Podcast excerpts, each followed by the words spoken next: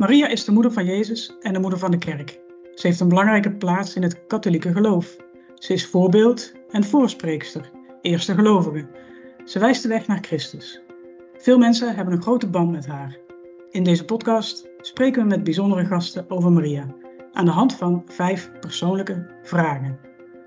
Vandaag is onze gast plebaan Vincent Blom van de Sint-Jan in Den Bosch. Ja, misschien kunt u uzelf nog even voorstellen. Ja, ik ben... of, heb, of is hiermee alles gezegd? Nou, ja, ik ben Vincent Blom, eh, bijna 25 jaar priester en sinds 2019 plebaan van de kathedraal. Daarvoor ben ik in Sint-Oederode werks geweest in West en als kapelaan ook in de Sint-Jan. Mijn wieg stond ooit in Utrecht, maar in, sinds 1992 woon ik in het mooie Brabant. En als we zeggen Sint-Jan, dan zeggen we natuurlijk uh, Zoete Lieve Moeder. Daar komen we nog ongetwijfeld uh, over te spreken. Maar als ik zeg ehm, Maria, wat is dan het eerste waar u aan denkt? Het eerste waar ik aan denk is moeder, voorspreekster. Voor mij de, de brug ook naar ons lieve Heer toe. En zij spreekt voor ons ten beste. Ja, zij is onze moeder, onze zoete moeder. Hè? De, de, heel mooi, indrukwekkend vind ik die laat, bijna de laatste woorden van Jezus aan het kruis. Etje mater tua, zie daar uw moeder. Maria, die ons als moeder wordt geschonken door haar zoon. Het laatste wat de Heer ons nalaat, is zijn moeder. Ik ben zelf uh, heel vroeg mijn moeder verloren. En uh, die had ook een hele grote devotie, grote verering voor Maria. Ik heb me in die zin ook nooit zonder moeder gevoeld. Met twee moeders in de hemel, de hemelse moeder en mijn eigen moeder. En u, u zegt uh, zoet, zoete moeder, maar wat betekent dat woord uh, zoet? Want we kennen zoet van, van snoepjes ja, en zo. Maar... Het komt ook in oude Maria-hymnen en liederen wel voor dat uh, Dulce Mater, zoete moeder, een zoete moeder, een, ik vind als ik het moet uitleggen aan mensen hier in de Sint-Jan, zeg ik altijd, het is een goede moeder, een moeder waar je op kan vertrouwen, een moeder die er voor je is. Dus het heeft niks te maken met uh, uh, zoete vroomheid of, of zoetsappigheid, maar een, een, goede moeder, een trouwe moeder die, die haar kinderen nooit in de steek laat, die er altijd is.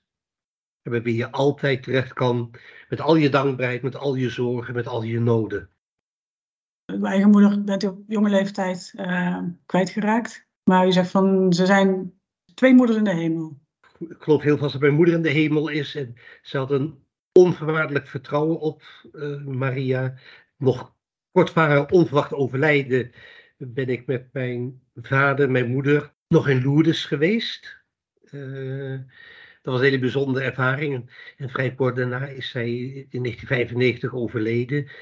Ja, dat was toch een heel bijzonder, als je dat zo allemaal achter elkaar ziet gebeuren. Dus eerst een hele mooie pelgrimage met z'n drieën naar Lourdes. Natuurlijk met heel veel andere pelgrims uit Nederland, maar wij met z'n drieën daar ook. En dan heel kort daarna uh, overlijdt zij. En uh, dat was wel een bijzonder iets. Zo kort na zo'n bedevaart, uh, toch haar onverwachte overlijden.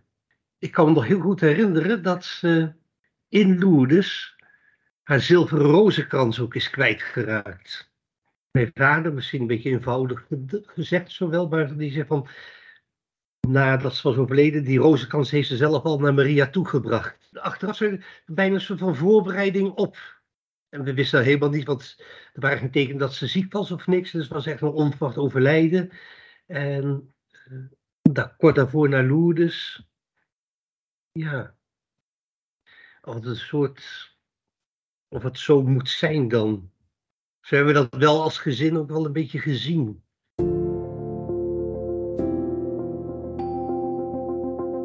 Wanneer uh, bidt u tot Maria? Ik ben natuurlijk dagelijks tot Maria. Natuurlijk iedere dag in het kerkelijk avondgebed de Vespers de loszang van Maria, het Magnificat. In verbondenheid met al die andere priesters en uh, religieuzen over de hele wereld die uh, ook dat kerkelijk avondgebed, de Vespers bidden, de lossing van Maria. Door de dag heen bid ik ook tot Maria. Het zij in de kapel, op de fiets. Natuurlijk bij het nuttigen van de maaltijden. En ook heel bijzonder, toen ik eh, in de aanloop zat om naar het uh, seminarie te gaan in Den Bosch, bij een van de voorbereidende gesprekken op het seminarie, dat was begin 1992. Toen uh, ging ik ook even bidden in de Mariakapel van de Sint-Jan. En er lagen op die kaarten met een afbeelding van de Zoete Moeder, met aan de achterzijde het gebed uit de kapel. Heilige Maria, Moeder van de Heer. En van begin 92 ben ik dat gebed gaan bidden. Ik denk, ik ga dat gebed bidden iedere dag dat ik me voorbereid op het priesterschap. En bij de priesterwijding is een gebruik toen en ook nu nog steeds dat de bisschop met de wijdelingen naar Maria toe gaat om de nieuwe priesters aan Maria toe te wijden. En ik ben dat gebed tot de dag van vandaag, iedere avond bid ik dat gebed tot de zoete moeder. Dat heeft gewoon na de complete, als afsluiting van de dag, heeft dat een vaste plek in mijn uh, gebedsritme. Het gebed tot de zoete moeder van Den Bosch. Ja, dat gebed is eigenlijk met me meegegaan die zes jaren op het seminarie en nu al ja, bijna 25 jaar als priester. U noemde net een paar zinnen eruit. Is dat, is dat het hele gebed of hoe lang is het gebed? Nee, het is, een, een uh, het is niet zo lang gebed. Het luidt Heilige Maria, Moeder van de Heer en zoete lieve vrouw van deze stad. In dit heiligdom dank ik God omwille van u, want velen hebben hier de kracht van uw gebed ondervonden. Alles wat mijn hart bezighoudt, vertrouw ik toe aan u. Bid voor mij bij uw Zoon, Moeder van alle gelovigen. U bent niet alleen ons voorbeeld, maar ook onze bemoediging, zoals u reeds gedurende zoveel eeuwen hulp en troost hebt gegeven. Zoete lieve vrouw, blijf bidden voor alle mensen en ook voor mij. Amen. Eigenlijk de vonk met dit gebed sloeg over toen u zich voorbereidde om naar het seminarie te gaan. Is er dan een speciale zin uh, uit het gebed wat u uh, raakt? Of? Nou, ik vind twee zinnen in het gebed heel mooi. Alles wat mijn hart bezighoudt, vertrouw ik toe aan u. Daar zit weer die, uh, die moederzorg van Maria voor ons in. En ook, ik spreek heel duidelijk in dit gebed, hè, de middelaarsfunctie van Maria. Zij is een voorspreekster. Bid voor mij bij uw zoon, moeder van alle gelovigen. En Maria, we, we roepen haar aan, zij is ons voorbeeld en zij is onze bemoediging. Nou, dat zijn eigenlijk drie kernmomenten in dit gebed die, die dat, dit gebed voor mij heel erg krachtig maken. Alles wat me bezighoudt mag ik aan u toevertrouwen. Bid voor mij bij uw zoon. De functie die Maria had op de bruiloft van Cana. Doe maar wat mijn zoon u zeggen zal.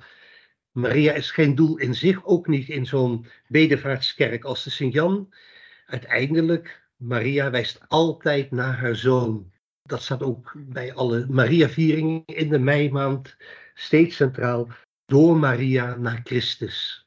En hoe ervaart u dat zelf als u zegt van alles, alles wat in mijn hart leeft, dat, dat mag ik neerleggen bij Maria? Hoe, hoe ervaart u dat dan van hoe dat, dat dat ook met Christus te maken heeft? Nou, ik kan alles bij aan Maria toevertrouwen in het geloof, het Bijbels geloof, dat Maria alles brengt bij haar zoon zoals Maria op die bruiloft van Cana, verwijzing was. De mensen komen naar Maria, we hebben een probleem met die wijn. Maar Maria zegt van, uw gebed breng ik bij mijn zoon. Wat hij zegt zal geschieden. Ik geloof heel sterk in de, in de, de middelen, de voorspraakfunctie van Maria. Eh, in het Salve Regina wordt zij ook aangeroepen als O Advocata Nostra, onze advocaat, onze pleitbezorger. Maria bepleit onze zaak bij haar zoon. Ik kan alles bij Maria neerleggen in het vertrouwen dat zij mijn noden, mijn vragen, mijn verdriet, maar ook mijn dankbaarheid brengt bij haar zoon. Dat is de bemiddelende functie van de heilige en natuurlijk van de heilige bij uitstek in het bijzonder Maria zelf.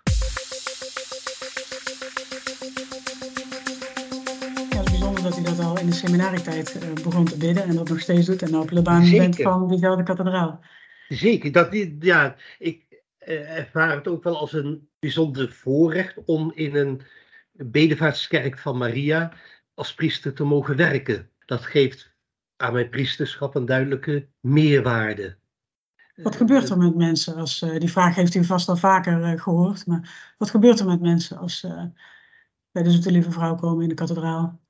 Dat is natuurlijk voor heel veel mensen verschillend, maar ik denk de gemene deler is dat wat je ervaart, want er worden bijna 500.000 kaarsen per jaar opgestoken bij de Zoete Moeder. Dus veel meer kaarsen dan dat er zeg maar, door jaar heen kerkbezoekers zijn. Dus heel, voor heel veel mensen is denk ik Maria vandaag nog belangrijk. En voor sommigen wel een laatste eikpunt met de kerk, met het geloof. Ook mensen die dan misschien een beetje losgegroeid van de praxis van de Eucharistie, de zondagskerkgang, de sacrament ontvangen. Maar ze komen wel naar die Mariakapel. Als je die kapel bent, je ziet uh, ja, heel verschillende dingen daar gebeuren. Zo van mensen die uh, even snel binnenkomen en weer weggaan. Uh, er komen mensen die daar langdurig zitten. Mensen die daar, dat zie je, met meerdere in blijdschap zitten. Maar ook mensen die daar vaak zitten te huilen. Als je de intenties leest in het intentieboek, dan uh, laat dat ook zien dat er heel veel verdriet, heel veel zorgen, heel veel leed onder mensen is. En ze vertrouwen dat toe aan het intentieboek. En iedere dag in de mis van half één bidden we ook voor de intenties die die dag aan de zoete zijn toevertrouwd. Dus iedere dag opnieuw worden die intenties ook in de Eucharistie, de intenties aan Maria toevertrouwd, worden iedere dag in de Eucharistie ook toevertrouwd aan, aan de Heer zelf. Ja, het is een plaats waar mensen komen in momenten van vreugde, in momenten van verdriet. Je hebt het gezien vorig jaar toen zeg maar, de, de oorlog uitbrak in de Oekraïne. Dat hoor ik dan van de kosters. Ja, dan hebben we echt een aantal maanden gehad, die eerste maanden van die oorlog, dat de kaarsen niet waren aan te slepen. Dus dat er gewoon uh, echt heel, heel veel kaarsen gestookt. En ook afgelopen oktober, toen dus alle problemen begonnen met uh, de energie en de gas. En uh, weer zo'n hele piek van bezoekers. Dus dat iedere dag opnieuw de kaarsenbakken vol, vol, vol staan. We hebben in de kerstperiode dagen gehad dat er wel 4000 kaarsen werden opgestoken op één dag. Dus dat laat ook wel zien dat er ook heel veel nood onder mensen is. En nou, dat dan de Mariakapel in de kathedraal een plek is die iedere dag open is, de hele dag door, waar mensen even naartoe kunnen of verhaal kunnen komen met hun verdriet of wat hun ook bezighoudt. We zijn misschien een beetje ongehoorzaam geweest, maar in de coronatijd, toen alles dicht moest, de Mariakapel is altijd open gebleven.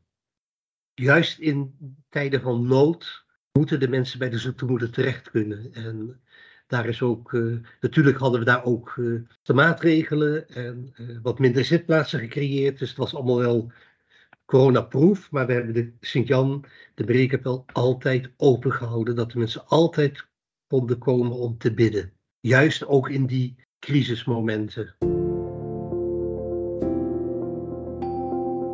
En als ik vraag, mooiste Bijbeltekst over Maria? De mooiste Bijbeltekst, ik, dat zijn er een paar, ik kan niet zeggen van dat is de allermooiste. Ik vind dus, ik heb hem al genoemd, die tekst van de bruiloft van Kana, waar juist die middelaarsfunctie van Maria in zit. De verwijzing naar haar zoon. Wat ik ook heel mooi vind, dat staat al twee keer, komt dat in Lucas spoor. Maria bewaarde alles in haar hart. Dat staat geschreven als de, de herders zijn geweest in Bethlehem, in de stal. En dat staat ook geschreven na de terugvinding van Jezus in de tempel als twaalfjarige. Maria bewaarde alles in haar hart. En daar zit ook weer iets in wat terugkomt in dat gebed tot de Zoete Moeder. Alles wat mijn hart bezighoudt, mag ik toevertrouwen aan uw hart. En Maria bewaart alles in haar hart. En uh, voor mij als biechtvader, de taak als biechtvader die ook als priester hebt, zit daar ook iets in. Alles wat mensen in de biecht toevertrouwen, bewaar ik in mijn hart. Een beetje zoals Maria als voorbeeld. Maria bewaarde alles wat haar werd gezegd door de herders alles wat ze meemaakte met die twaalfjarige Jezus in de tempel. Ze bewaarde alles in haar hart. En nou, als biechtvader mag je ook heel veel in je hart vertrouwen wat, wat je wordt toevertrouwd in de biecht. Uh, Dat zijn voor mij twee hele mooie Bijbelteksten. Doe maar wat, uw zoon, dat, wat mijn zoon u zeggen zal. En Maria bewaarde alles in haar hart.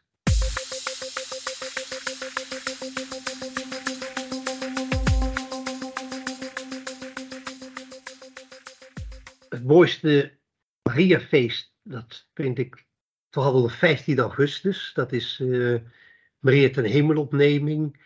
Zo midden in de zomer, dat vind ik een heel vreugdevol feest. Laat ook zien de bekroning die zij heeft ontvangen voor haar leven, geheel aan God toegewijd. Uh, dat eens gegeven jaarwoord aan Gabriel is ze trouw gebleven tot onder het kruis van Goede Vrijdag. En haar verdienstvol leven uh, heeft zij uh, bekroond mogen zien door met lichaam en ziel ten hemel te zijn opgenomen. De 5 augustus vind ik een heel erg mooi Mariafeest. Mooiste Marie, moet ik natuurlijk zeggen, Sarah van Bos, de moeder. Nee, dat is natuurlijk een beetje flauw. Dat, uh, ja, Lourdes kwam al even ter sprake. Lourdes is een dierbare plaats. Ook echt een plaats waar hemel en aarde elkaar raken. En ik ben heel erg geraakt door de kerk van de aankondiging in Nazareth. We hebben een pelgrimage in het Heilig Land.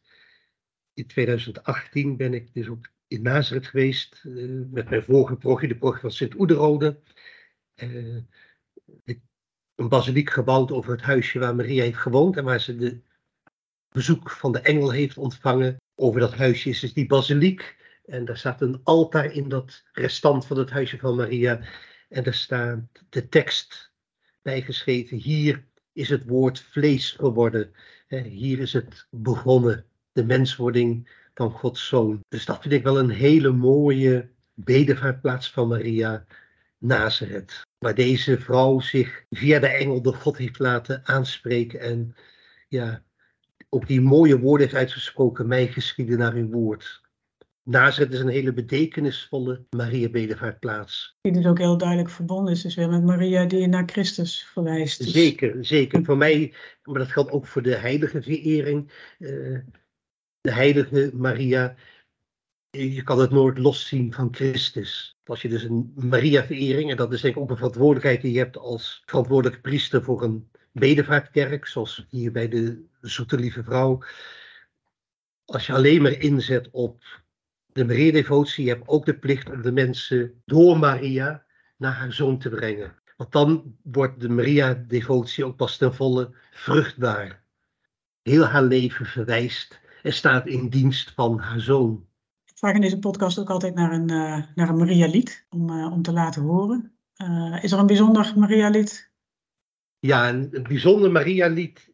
Er zijn er twee. Ik vind het Salve Regina op het seminarie. Dat wordt iedere avond op het seminarie gezongen. Dat is me heel lief geworden. En als ik dat zing, dan denk ik toch altijd even terug aan die mooie jaren op het seminarie. Maar het Maria-lied bij uitstek, dat is een lied van Josquin de Pré. Wordt ook door de Schola Cantorum gezongen. Een indrukwekkend Maria-lied. En bijzonder ook omdat de laatste zin van dat Maria-motet luidt: O Mater Dei, memento mei. O Moeder van God, denk aan mij. Neem mij op in uw gedachten.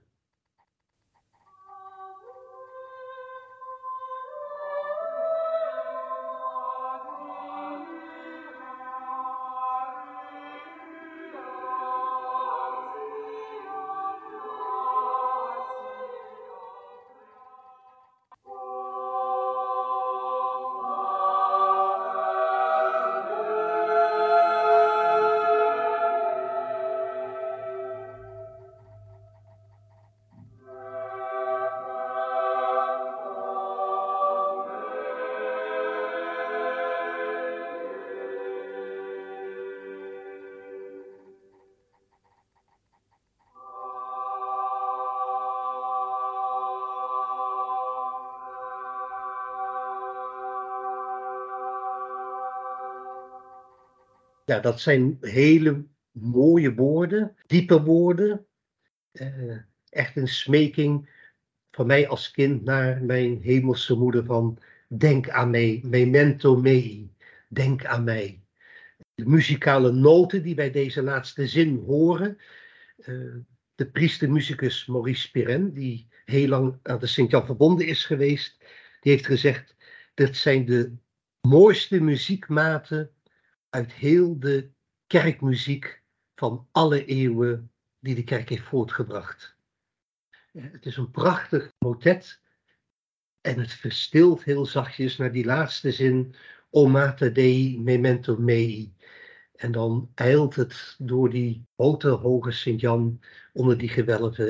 Ik heb het, de liefde voor Maria, de verering voor Maria, van thuisheid meegekregen. Ons moeder die ons heeft leren bidden. Een van mijn grootvaders, die broedermeester was ook van Kevelaar. Maria had in ons gezinsleven, in ons familieleven echt een belangrijke plaats. Daar ben ik dankbaar voor. En ik hoop dat uh, ja, alle luisteraars naar deze podcast ook iets van die moederliefde van Maria in hun eigen leven mogen ervaren. Maria is er, zij is onze voorspreekster. Denk aan mij, neem mij op in uw gedachten. Nu uh, gaan de jongeren komende zomer naar de Wereldjongerendagen in Lissabon. En die hebben een, uh, een Maria-thema. Maria stond op en ging met spoed. Een uh, stukje tekst uit het Lucas-evangelie. Hoe mooi is het dat de Wereldjongerendagen in het teken staan van Maria? En wat, wat zou u de jongeren gunnen die uh, naar de Wereldjongerendagen gaan? Het is heel mooi dat het een Maria-thema is. Dat kan ook bijna niet anders in een land als Portugal. Waar je natuurlijk in Lissabon zijn de Wereldjongerendagen, maar niet verder vandaan is het natuurlijk ook een heel belangrijk bedevaartsoord. Fatima. Ik zou me zo kunnen voorstellen dat de paus dit thema heeft gekozen. Maria uh, ging met spoed naar Elisabeth, reisde met spoed naar Elisabeth, dat er een beetje de aansporing in zit. Maak werk van je geloof. Maak werk van je geloof zoals deze twee vrouwen dat deden. Blijf niet dralen en blijf niet uitstellen, maar ga aan de slag met je geloof. En neem een voorbeeld aan Maria, hè, die haar jaarwoord heeft gegeven aan de engel Gabriel. Niet wetend wat dat jaarwoord zou inhouden, de rijkwijde daar niet van kon bevatten. Wat dat zou gaan betekenen, moeder worden van Gods zoon.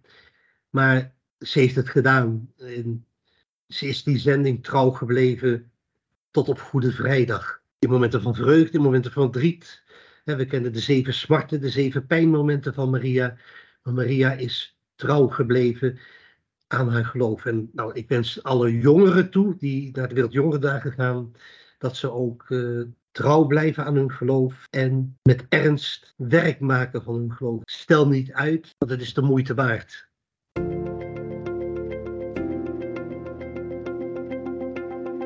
Dit was een podcast van katholiekleven.nl. Bedankt voor het luisteren. Wil je meer informatie over de Wereldjongerendagen? Die vind je op wjd.nl.